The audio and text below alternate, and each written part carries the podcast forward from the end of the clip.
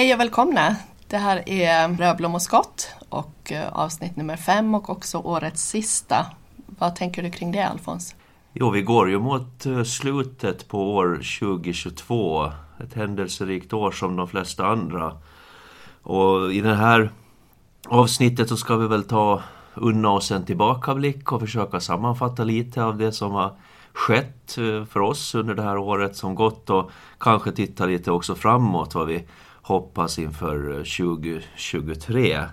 Det är otroligt ändå vad man hinner med på ett år. Alltså ett år är ju ganska lång tid samtidigt som det är väldigt kort tid. Vi brukar börja med någonting som vi kallar då för veckans nyhet.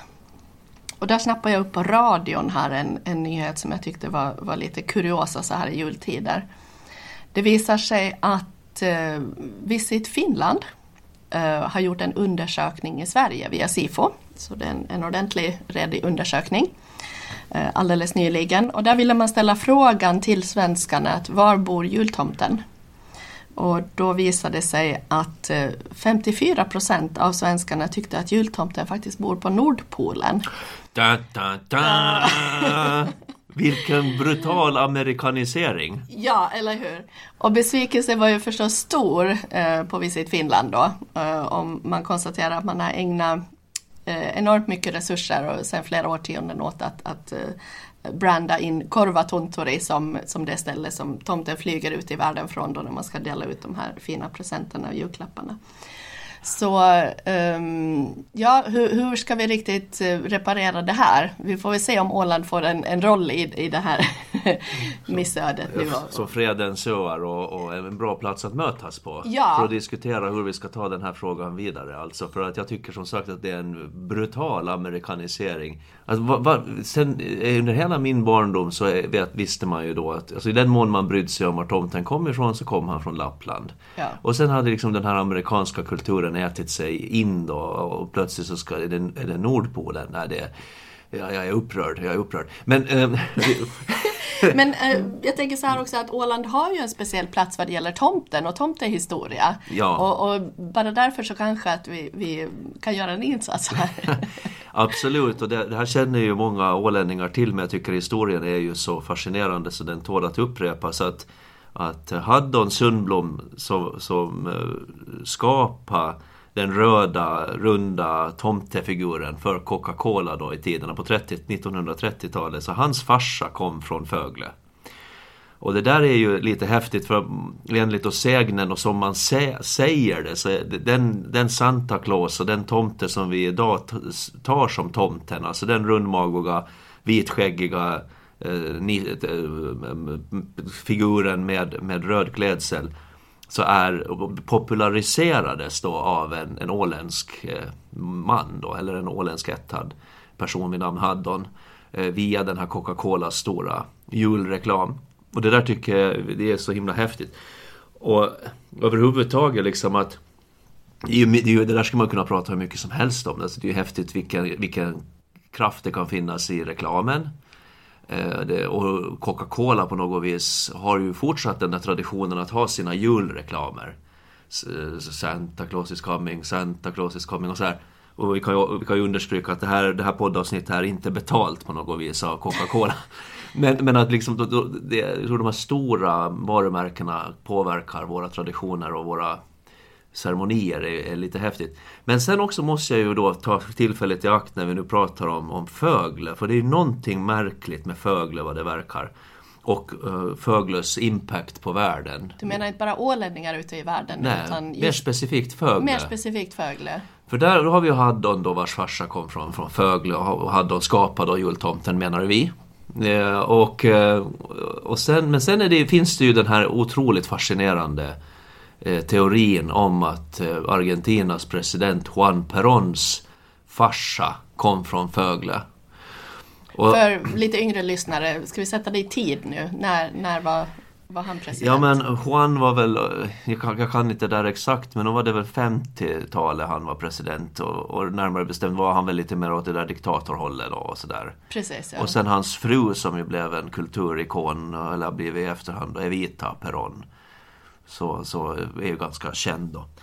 Men eh, Juan då, vars farsa då sägs kom härstamma, alltså kom från Fögle. Och det, det, det finns, det, det, är jättespännande det därför att Dagens Nyheter publicerade 1950, vilket ju är ganska länge sedan, en notis, eller om det var 53, det kommer jag inte ihåg, men i början av 50-talet så publicerar man en notis där man konstaterar att, att Argentinas president Perons farbror eh, Eh, hade dött då på Åland.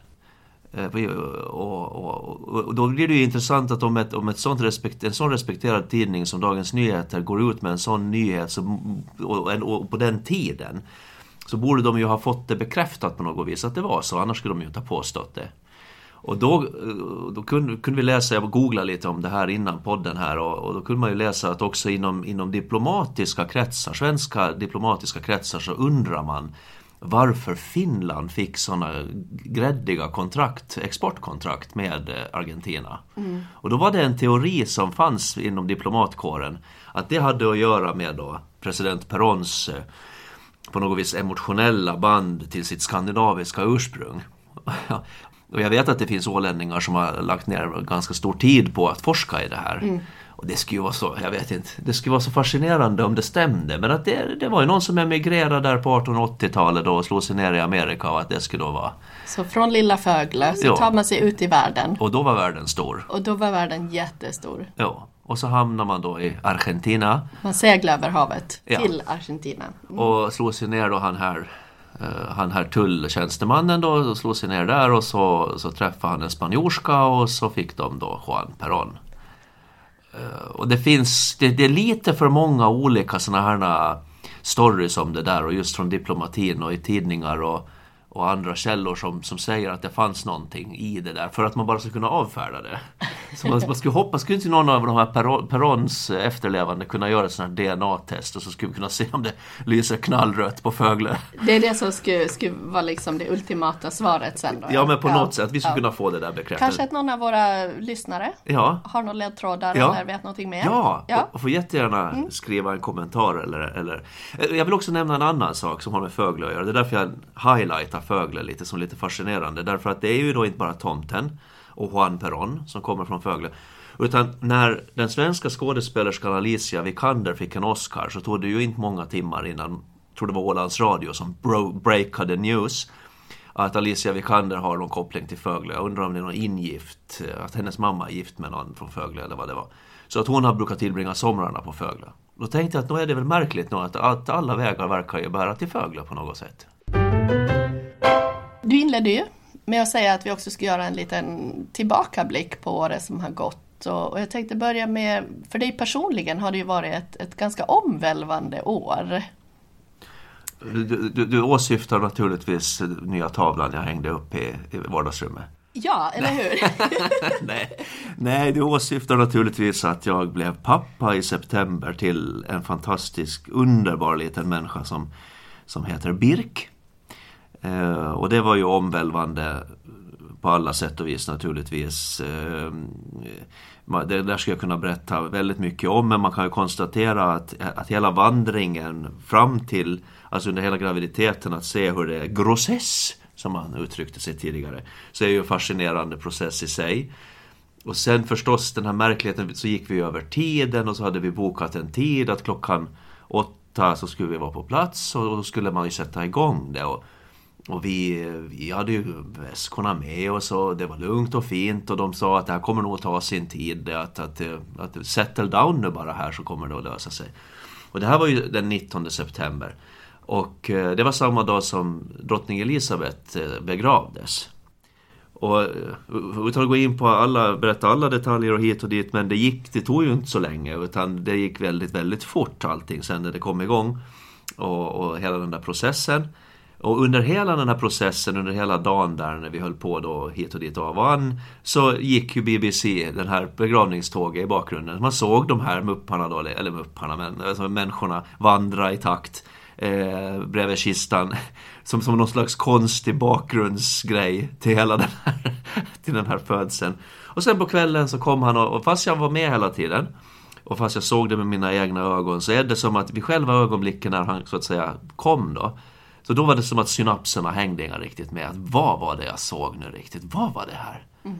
Och sen så var det ju lite stök och bök och hit och dit och av och an och fram och tillbaka. Och sen så kom de då då var det min tur sen då att, att ta över honom om man säger så. Då fick jag lägga mig på ryggen på, på sängen och så öppnade jag skjortan och så kom de in med den här lilla skrikande lilla grodan liksom. Och så la de honom på mitt bröst och så kände han min värme och så slappnade han av och så somnade han. Och det var nog vid det ögonblicket som det sjönk in för mig att nu, det här är liksom en människa som, som, är, som hör till mig och som jag ska ta hand om. Då blev du pappa? Då blev jag pappa. Mm. Och sen har det varit jättetrevligt. Han är en jättesnäll, han är nyfiken, social, trevlig prick som så länge han har sitt på det torra då, bokstavligen och, och mat i magen och sådär så är han, är han väldigt nöjd. Så att det var ju en stor grej förstås det här året. Man, det blir det, det finns ju ett före och ett efter. Mm, eller hur ja, absolut. Och, och 2022 var, var ditt före och efter. Jo, det kan man säga. Du då personligen? Vad, vad, du har ju år lite så här före och efter, eller hur? Jag menar, du du jo. hade barnen flög ut, eller hur ska man säga det? Jo, det är kanske inte riktigt lika dramatiskt. Men, men eh, min yngsta då så, så är 17 och hon eh, fick möjligheten då att vara borta ett år som utbyteselev. Så hon åkte då 23 augusti. Um, och sen dess så har jag varit soloförälder hemma och uh, det är förstås ja, en, en, väldigt annorlunda upplevelse. Och för mig då eftersom jag har ganska långt emellan mina barn så är det, så är det räknar jag ut då 31 år sedan jag inte hade barn hemma. Um, så det har varit liksom en, en, helt ny verklighet för mig också. Att, att, och I och med att jag fick mitt första barn som väldigt ung så har jag egentligen aldrig levt som, som vuxen utan barn förrän nu. uh, så, så jag har gått liksom helt åt andra hållet mot, mot din resa mm. under hösten. Då, så har jag gått helt åt andra hållet och försökt att orientera mig som som egen vuxen utan att, att behöva i vardagen förhålla mig liksom konstant till andra som behöver en och sådär. Om vi skulle titta, det där var lite personlig tillbakablick på året, eh, men eh, det här är ju förstås en politisk podd, så låt oss titta tillbaka lite också på, på det politiska året som har varit för, för vår del. Du inledde ju året som minister. Japp. Det, det, gjorde jag. Eh, alla de här grejerna som man pynjar, pynjar på med politiskt så skulle ju, man skulle kunna ta ett avsnitt per grej förstås. Jag menar, nämner jag vattentjänstlagen så är det ett helt avsnitt, det är flera till och med. Det handlar ju om vår viktigaste resurs. Men jag kan ju sammanfatta, jag gjorde en liten... Det här, vi, vi, nu gör vi inga liksom... Vi, vi påstår inte att det här blir en fullständig nyårskavalkad eller någonting utan vi gör en liten sammanfattning bara. Och, och, då tänkte jag så här att, att eh, när jag tittar vad, vad jag pynjade med under våren då när jag fortfarande satt i regeringen. Så det var ju avfallslagen förstås. Vi vill ju ha en fungerande avfallslag. Det var djurskyddslag, det var eh, vattenlag, det var vattentjänstlag, det var klimatlag. Och som sagt, vi ska kunna berätta mycket om de här delarna, alla de här punkterna och vi kommer ju återkomma till dem i olika eh, avsnitt av den här podden. Eh, men men vi skulle ju kunna stanna förstås lite vid den här klimatlagen för att den, den fick ju bäring sen på, på hösten också om man säger så. Och eh, kort kan man ju säga som så att när vi regeringsförhandlade 2019 så var det ett krav från vår sida att landskapsregeringen skulle ta fram en klimatlag att lägga inför lagtinget så lagtinget skulle kunna klubba. Och det fick vi igenom i regeringsförhandlingarna, alla var överens om det och eh, vi började arbetet. Det är ju någonting som aldrig har gjorts förut, en sån här lagstiftning, så det tog ju sin tid och det kan ju vi avslöja i den här podden också att det tog ju sin tid också delvis därför att det, var, det, var, det är ju någon tjänsteman som ska göra det här och, och tjänstemännen har ju eh, eh, inom landskapsregeringen så, så är ju är väldigt upptagna och så det tog sin tid innan vi fick loss tjänstemannakraft. Och så tillsatte vi en referensgrupp med kunnigt folk som skulle kunna ge input till den här promemorian. Och så, och så jobbar vi förstås inom partiet och jag som minister bollar ju lite hit och dit om hur det här skulle se ut. Men i våras då, våren 2022, så kom vi så, så långt att vi hade en promemoria färdig som vi också förankrar politiskt med de då fem partigrupperna. Och vad innebär en promemoria i det här sammanhanget? Hur ska man förstå det? Jo, en promemoria är det, det är ju så att när man ska initiera en lagstiftning en ny lag eller en ändring i befintlig lag så måste då den sakkunniga tjänstemannen så att säga, då, om det då är på miljöbyrån eller näringsavdelningen eller var, var, var nu frågan ligger, så måste den liksom sakkunniga tjänstemannen då i samråd med ministern eh, skriva en promemoria med, där man förklarar varför det här behövs, varför det inte räcker med nuvarande lagstiftning och, olika konsekvensanalyser och så vidare. Och så vidare. Och det där är ju för att att eh, man inte ska lagstifta i onödan eller så här. Det är en sån här check helt enkelt. Och lite centrala delar som ska vara med i lagstiftningen. Centrala delar ja. som ska vara med och, och det här är, det beskrivs helt enkelt och tanken och poängen med lagstiftningen. Och den där promemorian så tog vi fram och, så skulle, och då kommer man till en checkpoint som är viktig då och det är när, när ansvarig minister fattar beslut att föra en promemoria till lagberedningen. Och det är spännande av, av egentligen två olika orsaker. För det första så blir ju då promemorian offentlig. Och då blir det ju så att då kan medierna och alla ålänningar kan läsa att, att vad är tanken och hur, hur ska det här upplägget se ut. Och det, var ju, det fanns ju mycket intresse kring att hur skulle liksom klimatlagen se ut och vad skulle, vad, vad skulle den innehålla. Så, så, så det, det var ju mycket, stort intresse då när vi förde över den till lagberedningen. Det andra som är intressant som, som en checkpoint så är när man kommer till det skedet i processen med lagstiftning så är ju att i och med att det blir offentligt Eh, så måste ju alla som, som, som ingår i regeringen då, i vårt fall då fem partier, eh, stå bakom. Eller åtminstone ha så långt stå bakom själva lagstiftningen då.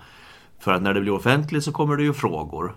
Och då, skulle, liksom, då måste man ju vara enig i det då, att jo, att det stämmer att jo, vi, vi har fört en, en, lag till, ett lag, en promemoria till lagberedningen och den är inte färdig och vi är inte överens om alla delar men att vi, det står ju i regeringsprogrammet att och så vidare och så vidare.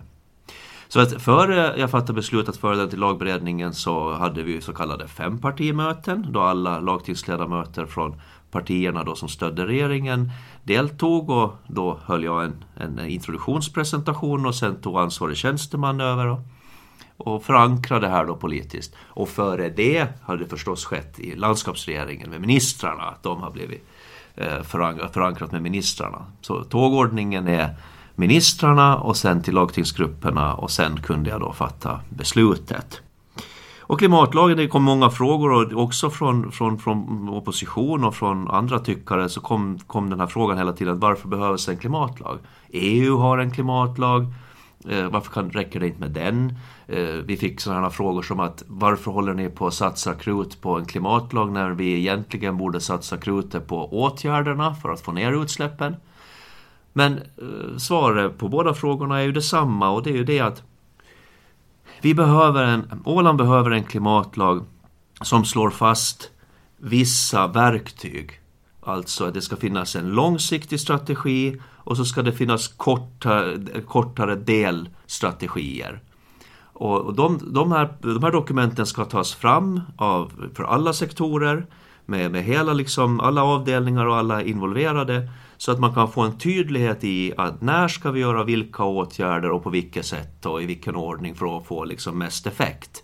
Så det är ju, det är ju liksom, klimatlagen i sig så är etablerar vissa verktyg som ska göra det åländska klimatarbetet så smart och kostnadseffektivt som möjligt.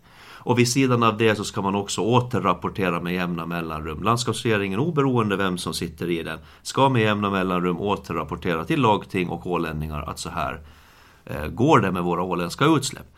Så det, och, det är väldigt konkret på det ja, sättet. Ja, och, och det, man kan väl säga då att varför det också behövs då den här sammanhållna um, arbetet så är ju för att klimatutsläpp är ju inte bara koldioxidutsläpp, direkta utsläpp från bilar eller trafik eller liknande. Det är inte bara utsläpp från energianvändning eller så utan det handlar ju också om, om jordbruk, det handlar om övrigt näringsliv, det handlar om konsumtion, det handlar om, om sjö, sjötrafiken och så vidare. Så det är väldigt många olika delar och många olika sektorer som behöver involveras om vi verkligen ska jobba seriöst mm. med eh, klimatförändring och, och klimatutmaningen.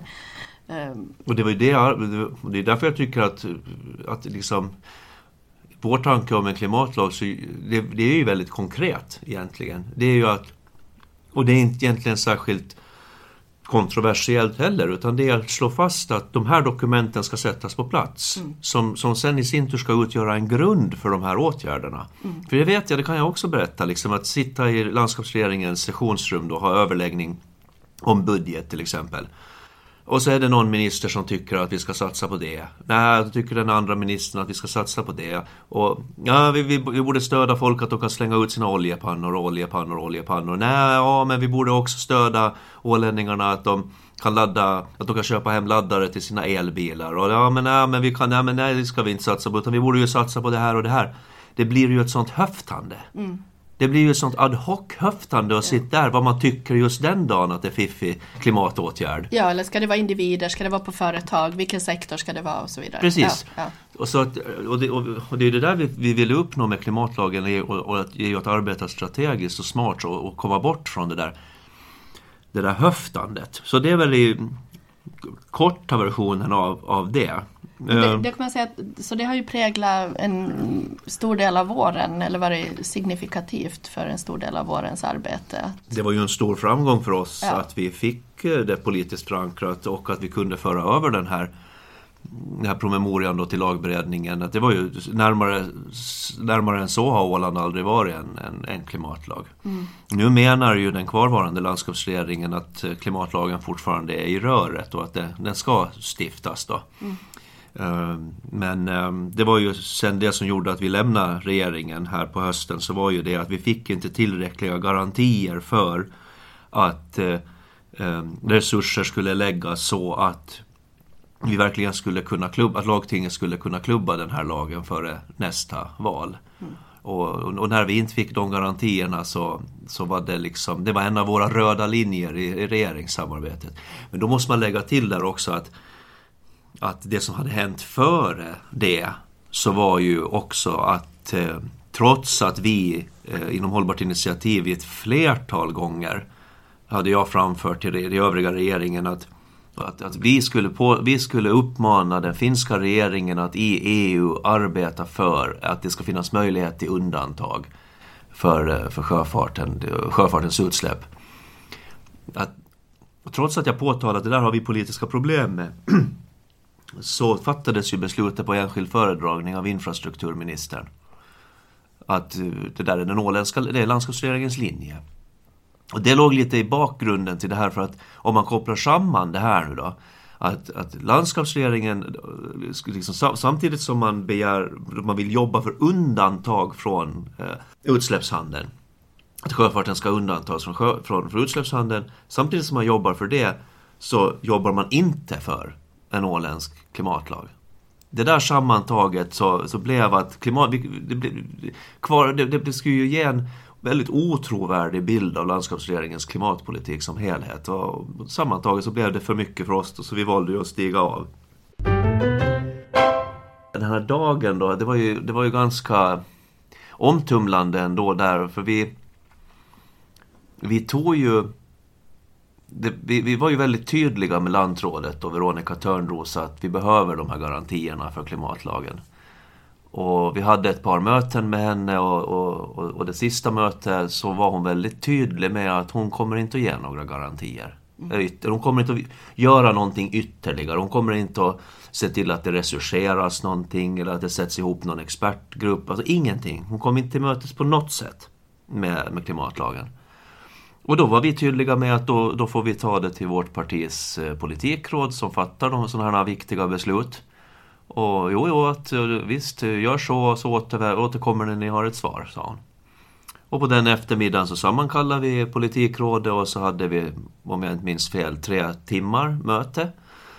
Där det inte alls var självklart eh, någonting egentligen. Att det, kom, det var, fanns olika åsikter. Att, jo, men det fanns ju åsikter, folk som uttryckte sig ungefär som att ja, men det är klart vi ska sitta kvar, tänk på allt annat vi kan påverka med vattenlagen, avfallslag och vattentjänstlag och you name it. Allt som vi har jobbat flera år väldigt intensivt för att ro i hamn. Precis, att ska vi nu fem före målsnöret då hoppa av liksom.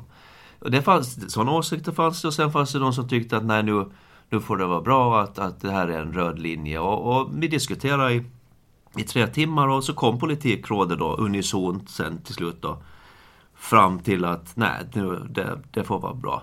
Och då hade vi ju bestämt oss att eh, när, när det här beslutet var fattat så hade vi bestämt oss att det här skulle skötas snyggt. Då. Så dagen efter på, på morgonen så skulle, hade vi ju tänkt då skulle vi informera landrådet och jag skulle få informera mina ministerkollegor och gruppledare och allting och sen skulle vi ha en presskonferens och alltså sköta det med ordning. Men så, så blev, skedde det ett litet misstag vilket gjorde att Nya Åland kunde berätta kunde berätta den här historien, eller berätta det här då, beslutet redan på kvällen där då. Så det vart ju lite märkligt och då fick jag ju ringa till lantrådet på kvällen och, och, beklaga att hon fick reda på det på det där viset. Och, ja, och så var ju hela den karusellen igång. Och den där dagen sen, dagen efter, som börja med att jag tog mig hit och så hade jag och Simon Holmström presskonferens där vi informerade om beslutet. Och så var det ju en hel del media på det. Sen hade vi sedan länge bokat in en fotografering med sonen hos Tina Tachmanainen, så vi åkte dit och hade fotoshoot med honom och fårfällar och grejer mitt i allt det där. Och så tillbaka från fotoshooten och så var det ju radio då på eftermiddagen och hit och dit. Efter, mitt i allt efter det så då, var det, då, då ska jag spela in en scen för Stormskärsmaja, filmen.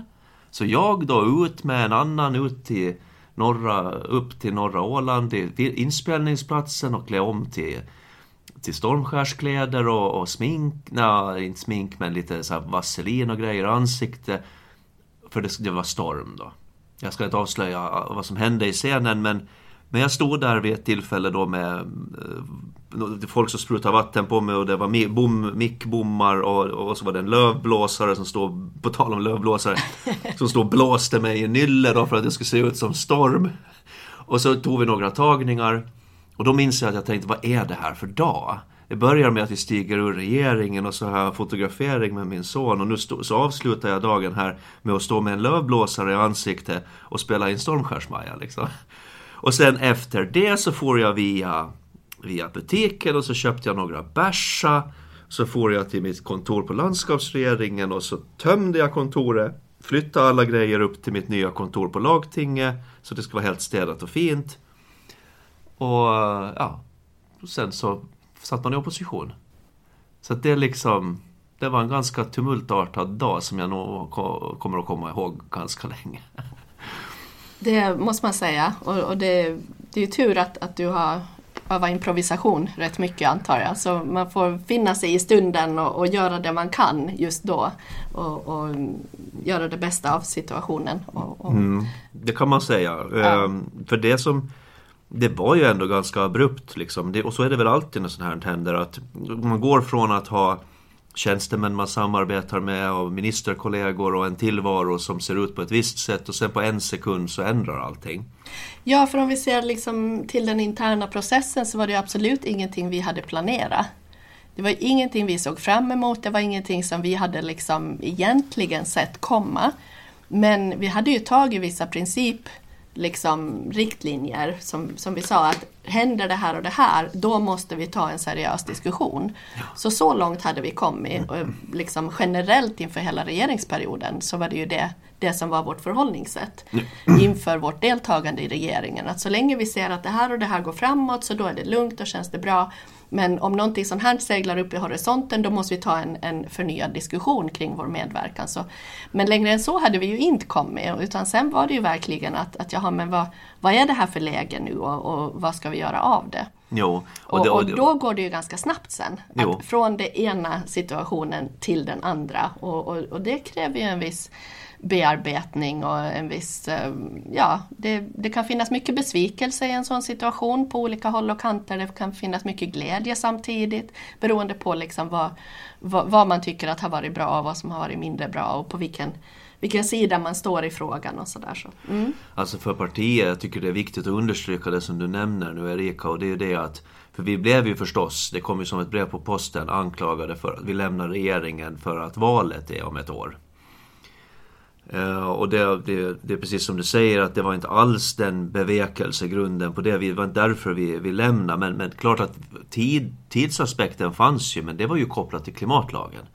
Alltså det, det börjar bli bråttom för att få en, till en klimatlag innan valet. Och, och, och, det, och det var ju som sagt viktigt för oss att, att vi, vi skulle ha den, de garantierna att det skulle göras. Och, och när vi inte fick det, på det sättet spelade tiden en roll men inte för att vi skulle kunna positionera oss inför för, Av några valtaktiska, valtaktiska skäl? skäl. Nej, nej, absolut inte. Nej. Och, det, och det, det, kan ju också understrykas att det är ju jätteviktigt från vår sida när vi sen bör, gick in i opposition så har vi, vi, vi har ju kallat det för vår egen gröna opposition därför vi hoppar inte automatiskt från regeringsbänken till den så att säga gamla oppositionen och sätter oss och, och, och råmar och gnäller på det viset utan vi vill ju fort ta med oss det ansvar vi, alltså den ansvarskänslan som vi hade när vi satt i landskapsregering under dessa turbulenta år med pandemi och Ukraina-krig och allting. Vi ville ta med den ansvarskänslan också när vi sitter i opposition eh, och, och liksom jobba vidare utgående ifrån det. Eh, så ja, det, det är viktigt att, att understryka. Eh, vid sidan av klimatlagen och vattenlagen och de här lagstiftningarna som vi har dragit igång. Jag, jag tog ju också initiativ till en ny vattentjänstlag till exempel. Alltså det som styr VA, alltså vatten och avloppsverksamheterna på Åland. Eh, den lagstiftning som finns idag, den yngsta delen av den lagstiftningen så är från året jag föddes, alltså 1983. Mm. Och det har hänt en hel del eh, inom, inom sektorn så att säga sen dess. Va? Så att det var väldigt, och det var, här är något kommunerna har skrikit efter att vi måste få ny lagstiftning. Så, så, att jag drog ju igång det arbetet och motsvarande sätt med promemoria och så där vidare. Och det finns många sådana där både större och mindre processer där, där jag upplevde att vi hade jobbat hårt och att det börjar röra på sig lite. Det tar tid att åstadkomma förändring. Och, och just som du säger att då fanns det lite, ja Alltså så lämnar man då så sitter man lite vid sidan om och jaha. Det fanns ju en tomhet i det naturligtvis. Ja, en också. tomhet är kanske en, ett bra ord. Ja. Men, men där kan jag, en av grejerna som, som jag tycker vi måste nämna också om vi nu sammanfattar året då, eh, så är ju förstås storskalig havsbaserad vindkraft. Och det kommer vi återkomma till i, i flera poddavsnitt så att vi ska inte drunkna det, i det. Det kan vi lova. Ja, det kan vi lova. Ja. Och det finns hur mycket som helst. Vi borde egentligen ha ett temaavsnitt om det. Det finns hur mycket som helst att säga. Men där har jag, där har jag varit tydlig till eh, den, kan man säga, till landskapsregeringen, nu sittande landskapsregering. Det, det, det, var ju tre ministrar som tog över mina ansvarsområden. Var det, ja, precis. Alltså alla ja. mina ansvarsområden. Det var Christian Wikström eh, och eh, Harry Jansson.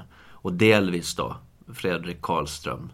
För de bildar ju nu ett utskott, ministerutskott för havsbaserad vindkraft.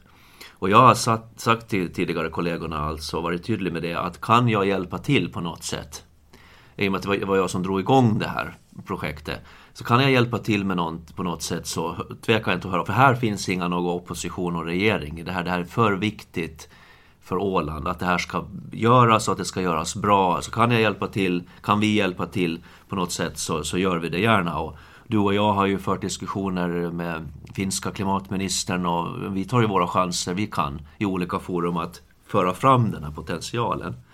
Så där, där, där, där, där finns jag till hands och det vet de. Jag har haft, haft diskussioner med Viselantrådet och sådär. Och det är väldigt, eh, jag tycker att det är väldigt intressant den här tajmingen. Ibland så, så kommer ju tiden eh, och, och sakfrågor liksom ihop på ett, på ett väldigt spännande sätt. Just i och med det att vi också under året som har varit så har vi verkligen med full kraft kunnat gå in i vårt 100-årsjubileum mm. för att fira Ålands självstyrelse.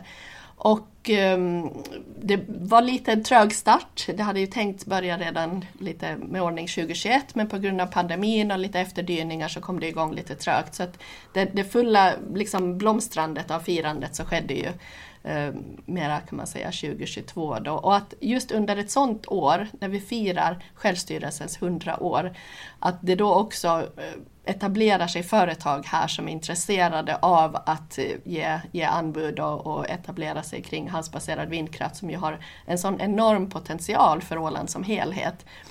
Ehm, det, det, tycker jag är lite spännande timing att, att säga att vi har haft 100 år och vi har kunnat blicka tillbaka på de 100 åren och vi har firat de 100 åren.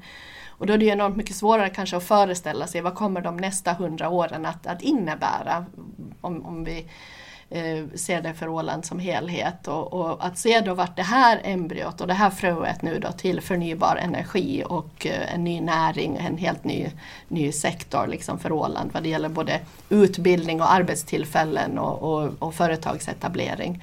Det är ju enormt spännande. Det är en, jag håller helt med dig och det är, det är fantastiska möjligheter och det, det, är spännande just att det råkar sig så. Det, det finns annat här också som sammanföll samtidigt. Alltså vi, och där är jag ju faktiskt stolt över Hållbart initiativ att vi ingick i regering under en period som saknar motstycke i modern historia. Alltså jag tror du måste tillbaka till, till andra världskriget eller någonting för, för, att, för att sitta och hantera en, en omvärld som skakar så som det var då med pandemin. Gränser som stängdes, ett enormt BNP-dropp för Åland på tvåsiffriga tal Plötsligt kan inte ålänningarna åka till Sverige. Allt det där som hände under pandemin. Eh, och återhämtning. Familjer, splittras. Familjer splittrades. Ja. Där, där, där, där var vi med och tog ansvar och, och liksom gjorde allt vad vi kunde för att, för att vi skulle, Åland skulle hantera det här så bra som möjligt. Och psykiska ohälsan som förstärktes menar, i den isolering som uppstod. Allt, allt det där. Att, att liksom vi, vi, vi gjorde ju mycket, men det är ju sånt här som kan vara stående om folk frågar men vad åstadkom H i regeringen? Då, då vill man ju gärna ha såna här väldigt tydliga, klatschiga svar. Mm.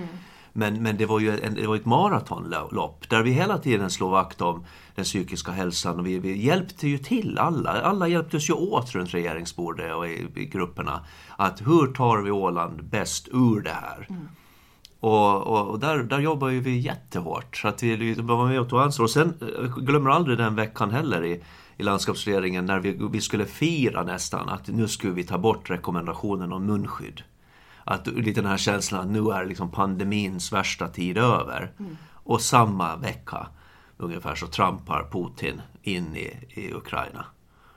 Och så har vi ett Ukraina-krig och med allt vad det innebär av mänskligt lidande och fruktansvärda, alltså man vill inte det var, det var fruktansvärt jobbigt och, och, och, med vad det innebär sen då av, av, av, politiska beslut som behöver fattas för att vi ska ha beredskap att ta emot folk som kommer från Ukraina.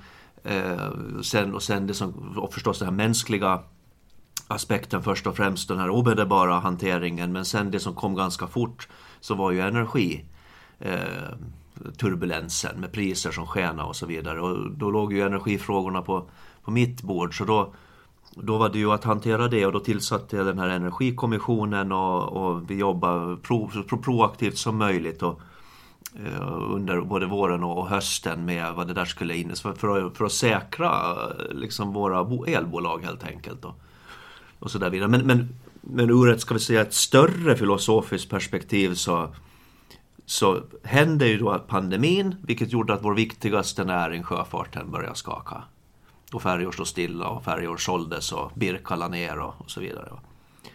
Och så kommer Ukraina-kriget som visar eh, hur sårbara vi är när det gäller energin.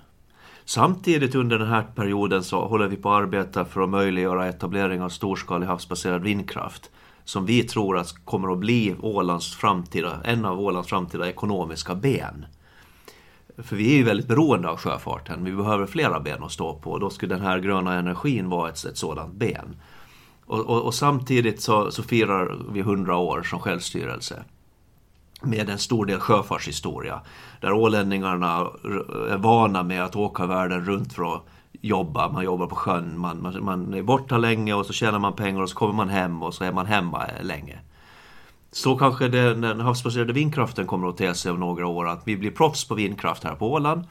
Man, det är en karriärmöjlighet, man börjar jobba med, på, med havsbaserad vindkraft här på Åland och så reser man jorden runt och, och jobbar med det här då. Och sen kommer man hem. Så det är en ny åländsk historia som på något vis växer ur de här turbulenta åren som har varit. Så det, det är verkligen lämpligt att vi fyllde 100 och så tar vi sikte på de här nästkommande hundra åren. Nästkommande hundra åren och samtidigt det som på något sätt löper som en, en tråd genom allt det här oberoende av näringslivsväxlingar eller, eller um, sektorers uppgång och fall eller sådär så, så så tänker jag också att eh, vad vi ändå har med oss, både ur de här hundra åren, ålänningars strävan genom tiderna, eh, sträv, våra strävanden i pandemin, eh, våra strävanden i att, att hjälpa Ukraina i den mån vi bara kan och, och, och, och har möjlighet. Så tänker jag just att jag, jag ska också vilja passa på att faktiskt tacka alla de ålänningar som i vardagen, som, jag menar det är en sak att sitta i regeringsbord eller i lagting eller sådär och ta beslut och så vidare men, men det allra mesta, den allra största delen av arbetet så pågår ju ändå i vardagen ute hos var och en av oss i, i stugor och, och, och, hus och torp. Tänkte jag säga. Men att, eh, och, och, där finns det ju en enorm styrka hos ålänningar och, och det tänker jag hur man mangrant slöt upp kring, du nämnde munskydd till exempel, hur man mangrant slöt upp kring det av testning och av, av liksom att, att faktiskt hjälpas åt i den här eh, situationen för att, att skydda de som behövde skyddas. Eh, och på samma sätt hur, hur de enorma ansträngningar som så väldigt många ålänningar har gjort och gör också för att hjälpa och ta emot Um, ukrainare, dels på plats i Ukraina uh, och, och sen um, också här lokalt på Åland förstås.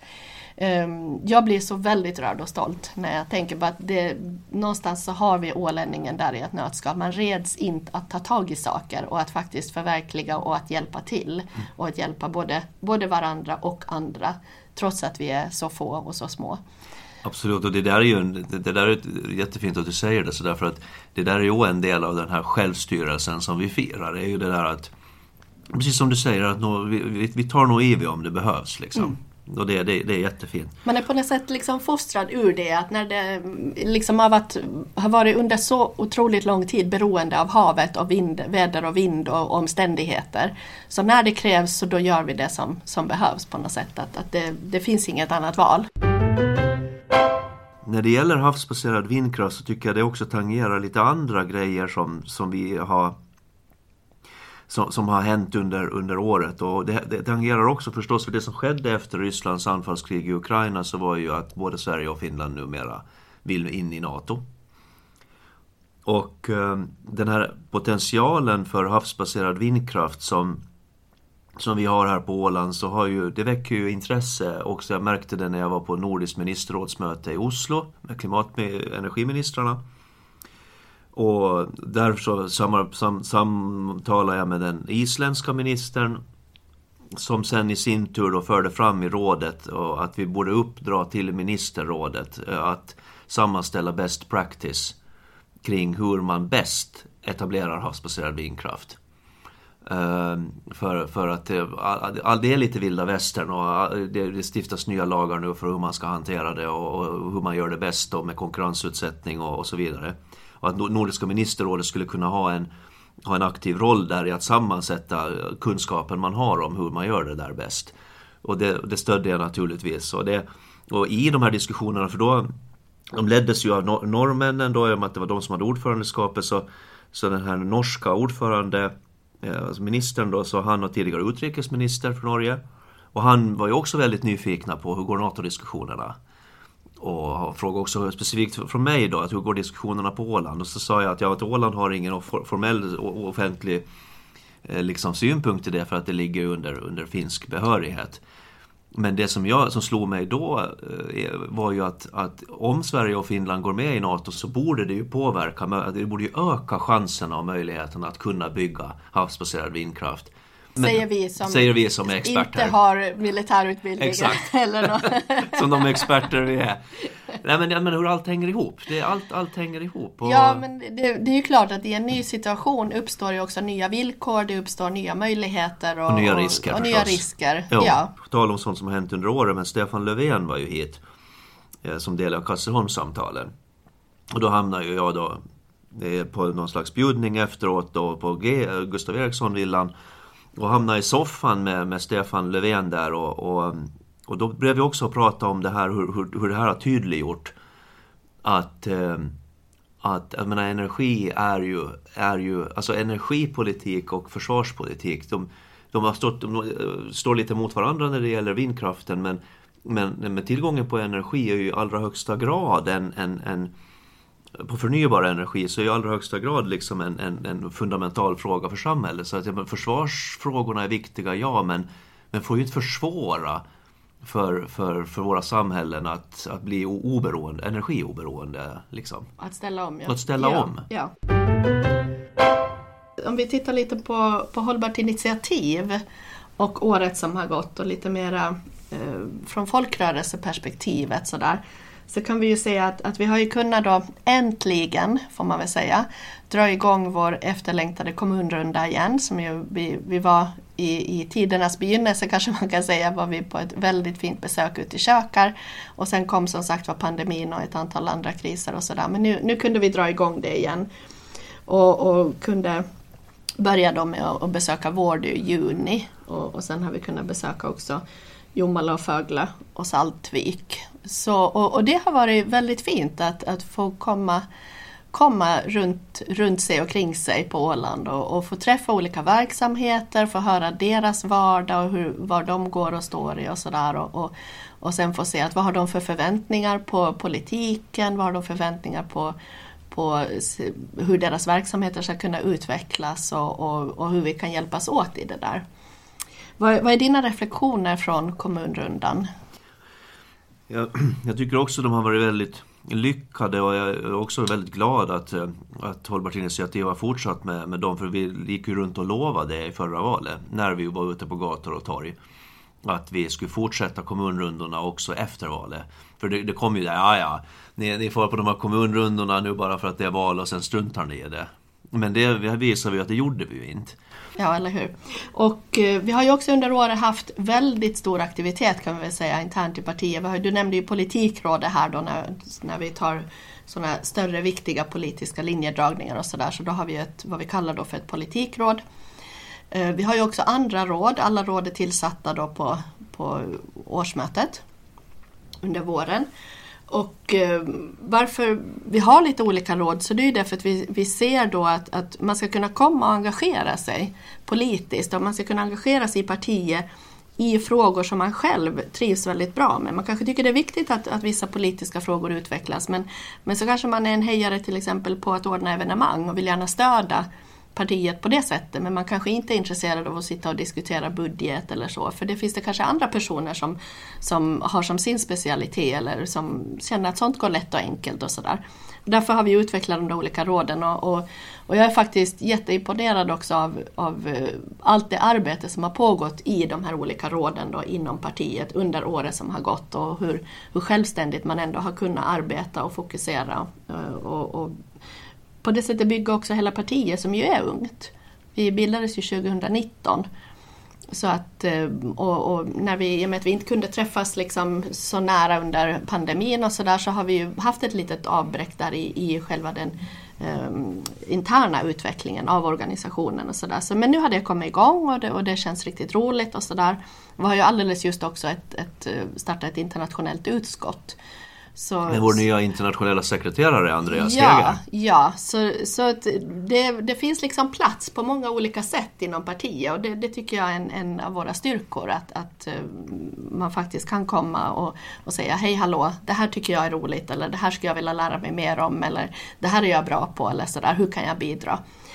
Eh, och där får vi också då eh, lov att tacka för året som har gått. Mm. Alla som har representerat Hållbart initiativ i olika styrelser, i olika kommittéer, i olika organisationer på olika sätt. Och, och, det är ett enormt arbete också att som enskild sitta och representera ett parti i, i, i de här liksom mötesrummen och sådär. Och jag tycker att det är en en stor insats faktiskt för demokratin som man gör. Att vi, vi har den här möjligheten att, att ha den här breda delaktigheten och kunna påverka på det här sättet och ha insyn i verksamheter.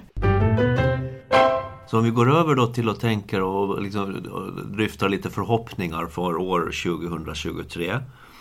Så, för, så finns det ju många av de här som man ju alltid hoppas det är hälsa och att det ska gå bra och att vi ska få slut på det där förbannade Ukraina-kriget och andra konflikter.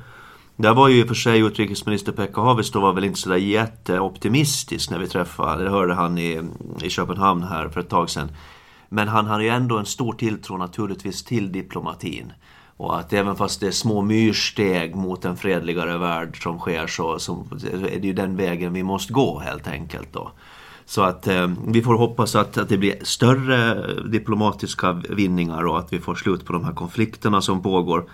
Sen är det ju ett intressant val sett till, för, för Ålands del då. Eh, ett intressant år för, för Ålands del med tanke på det kommande valet och jag kan inte begripa att, att, det, har gått, att det, har gått, det har gått ganska snabbt. Det känns som det är inte så länge sedan vi hade du val. tänker det kommande lagtingsvalet? Och kommunalvalet, ja. Ja, som blir nästa höst. nästa höst. Ja. Och där kan vi väl direkt säga att vi, för vi är ju igång med det naturligtvis, vi, vi håller på att rekrytera kandidater.